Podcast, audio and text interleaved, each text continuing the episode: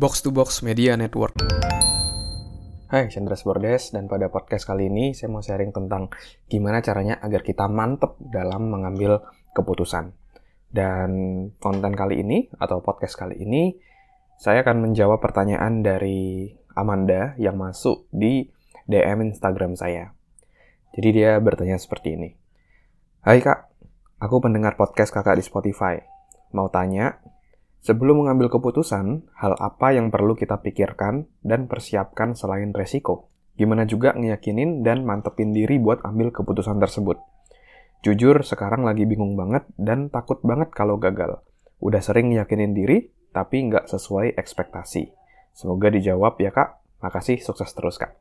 Oke, jadi uh, pembahasan kita pada hari ini adalah tentang pengambilan keputusan. Gimana sih caranya agar kita bisa mantep gitu ya dalam mengambil keputusan. Jadi ada berbagai macam hal yang harus kita pikirkan sebelum kita mengambil sebuah keputusan selain resiko gitu ya.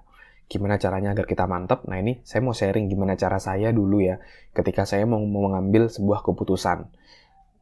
Saya akan angkat dari konteks saya ketika dulu saya mau memilih pekerjaan. Apakah saya mau di pekerjaan A atau saya mau di pekerjaan B. Nah, itu kan sebuah dilema buat saya. Mungkin teman-teman juga saat ini juga memiliki sebuah dilema di mana harus memilih, mungkin nggak dalam konteks pekerjaan atau konteks lainnya. Tapi prinsip dan konsepnya teman-teman bisa tiru, bisa gunakan juga di uh, dalam teman-teman memilih sebuah keputusan. Jadi dulu saya sempat bekerja di sebuah perusahaan startup dan waktu itu saya merasa sudah cukup lama di sana, sekitar setahun gitu ya. Saya pernah di perusahaan startup, lalu sampai akhirnya saya mau cari something yang baru kayak gitu. Dan ketika saya coba apply waktu itu, saya diterima oleh sebuah perusahaan consulting ya. Jadi saya diterima sebuah perusahaan HR consulting menjadi seorang konsultan di sana, HR consultant dan saya dilema, apakah saya mau pindah ke perusahaan tersebut atau stay di perusahaan startup ini. Nah, lalu apa sih yang akhirnya membuat saya tetap bulat bahwa saya tetap pindah ke perusahaan konsultan ini dibandingkan di perusahaan startup ini? Tentu dalam membuat keputusan kita nggak boleh hanya berdasarkan emosi aja. Harus ada pertimbangan yang kuat yang membuat kita mantap, oke okay, saya memilih sana. Nah, ini adalah salah satu teknik uh, pengambilan keputusan yang sangat powerful yang sudah saya pakai dulu ya sejak SMA, sejak kuliah sampai sekarang pun ketika saya mau mengambil sebuah keputusan saya tetap pakai uh, konsep ini. Mungkin teman-teman ada yang udah tahu, mungkin ada yang belum tahu, tapi teman-teman bisa cari satu yang namanya decision matrix. Oke, jadi ketika kita mau membuat sebuah keputusan, kita bisa membuat sebuah uh, tabel gitu ya, tabel untuk bisa memperhitungkan faktor-faktor yang mempengaruhi keputusan tersebut. Oke, agar lebih jelasnya, uh, saya akan jelaskan sedikit dan saya pun juga mencantumkan di deskripsi link pembelajaran decision matrix yang teman-teman bisa uh, pelajari di sana. Atau teman-teman juga bisa googling gitu ya, how to make decision matrix atau ketik aja decision matrix nanti teman-teman bisa belajar dari Google maupun dari uh, YouTube. Nah, kalau dari versi saya, saya seperti ini. Jadi saya buat dulu apa sih pilihan-pilihan yang saya punya. Yang pertama, saya tetap stay gitu ya di perusahaan startup atau yang kedua saya masuk ke perusahaan konsultan waktu itu. Lalu saya buat juga faktor-faktor apa sih yang penting dalam sebuah pekerjaan yang membuat saya mau bekerja di sana. Yang pertama adalah gaji, yang kedua adalah karir, yang ketiga adalah kebebasan waktu, yang keempat adalah uh, aspirasi atau sesuai dengan goal saya ke depan. Dan ketika teman-teman sudah buat tabel tersebut, teman-teman nilai nih. Misalnya nih, ketika saya di perusahaan startup, terkait gaji, range 0 sampai 10, saya skornya berapa. Oke, di karir skornya berapa, kebebasan waktu, aspirasi skornya berapa. Lalu saya pindah ke pilihan masuk ke dalam konsultan. Dari gaji, skor 0 sampai 10, skornya berapa. Dari karir 0 sampai 10, skornya berapa, sampai aspirasi skornya berapa. Nah, 0 itu ibaratnya kurang banget, 10 tuh oke okay banget. Jadi kita bisa membandingkan gitu ya, dari berbagai macam aspek tadi, kita skornya berapa. Lalu sampai akhirnya di paling pojok, itu kita total.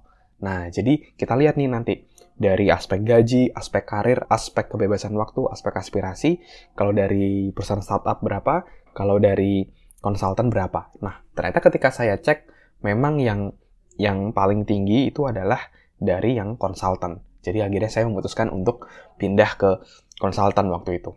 Ketika saya lihat, ketika dari gaji, ternyata saya juga ada peningkatan di sana, oke, okay, berarti lebih unggul. Kalau dari karir, oke, okay, dari karir, goal ke depan saya adalah saya mau menjadi fokus di HRD, ya. Di startup ini saya sebagai sarana saya untuk belajar memahami proses bisnis, bagaimana membangun bisnis dari awal. Jadi saya belajar banyak dari sana. Lalu dari segi kebebasan waktu, mungkin dari startup itu lebih unggul ya, karena waktunya lebih fleksibel dan lain-lain. Kalau dari perusahaan konsultan, waktunya lebih sedikit kayak gitu. Jadi perusahaan startup lebih unggul dari kebebasan waktu. Dan kalau dari aspirasi saya, saya juga merasa dari startup sudah cukup gitu ya, belajar tentang startup dan lain-lain. Sekarang saja saya belajar tentang HR sesuai dengan apa sih yang paling saya inginkan itu tentang HR. Jadi saya merasa masuk konsultan HR ini karena berkaitan dengan HR itu sesuai sama goal ke depan saya menjadi direktur HRD seperti itu. Dan ketika saya jumlahkan semua, memang skornya paling besar di konsultan dan saya memang oke, okay, kebebasan waktu saya berkurang, ya udah go get it gitu ya. Kita masuk di konsultan dan akhirnya saya bulat, mantap uh, mengajukan resign waktu itu dan akhirnya masuk ke dalam konsultan dan saya merasa bertumbuh di sana gitu ya. Dan itu saya bulat ambil keputusannya ketika saya membuat decision matrix ini. Jadi saran saya buat Amanda, kalau kamu mas sekarang ini masih bingung ambil keputusan, kalau mau mantep, bisa membuat decision matrix ini, jadi kamu bisa mempertimbangkan faktor-faktor tadi ya. Faktor-faktor tadi itu tergantung dari kamu ya. Kamu mau apa aja yang mau kamu ukur, apa aja aspek-aspeknya ditentukan tergantung konteksnya gitu ya. Baru kamu lihat skornya mana yang paling tinggi. Dan kalau kamu mau belajar lebih detail, saya cantumkan di deskripsi link-link yang bisa buat kamu pelajari ya. Di sana kamu bisa pelajari, di sana bahkan lebih spesifik lagi kayak misalnya ada pembobotan. Jadi misalnya gaji, karir, kebebasan waktu, aspirasi. Nah, ternyata kalau misalnya contoh karir itu lebih penting daripada kebebasan waktu, nah karir itu dikasih bobot 80% gitu. Contoh misalnya ya 80, sedangkan kebebasan waktu dikasih bobot 40 kayak gitu. Nah, jadi itu mencerminkan bahwa karir itu bobotnya lebih tinggi daripada kebebasan waktu. Nah, itu bisa kamu pelajari juga di link deskripsi tadi. Karena kalau dari podcast ini agak sulit ya untuk uh, ngejelasin visualnya. Tapi kalau kamu lihat yang saya cantumkan di deskripsi, yang main tools itu ada uh, YouTube-nya juga, videonya juga, jadi lebih clear gitu ya. Kamu bisa pelajari di sana. Oke, okay, itu dulu sharing hari ini tentang pengambilan keputusan. Semoga bisa membuat kamu semakin mantap ambil keputusan dengan membuat decision matrix tadi, dengan kamu bisa memperhitungkan berbagai macam aspek tadi, dan akhirnya kamu bisa mengambil keputusan yang tepat di sana, yang sesuai dengan dirimu, dan kamu bisa memastikan bahwa pilihan yang kamu ambil itu jauh lebih memiliki dampak positif dibandingkan yang lainnya. Oke? Semoga bermanfaat, dan kalau kamu ada pertanyaan lain, kamu bisa juga DM saya di at Andreas Bordes. Pertanyaan kamu akan saya jawab di podcast ini. Dan juga agar makin banyak orang bisa dapat manfaat, kamu juga bisa screenshot uh, ketika kamu mendengarkan podcast ini, atau kamu bisa share podcast saya ini di sosial media kamu, di Instastory, di Twitter, atau di mana pun, agar makin banyak orang yang bisa mendapatkan manfaat. Oke, okay? thank you semuanya. Sukses selalu and keep healthy.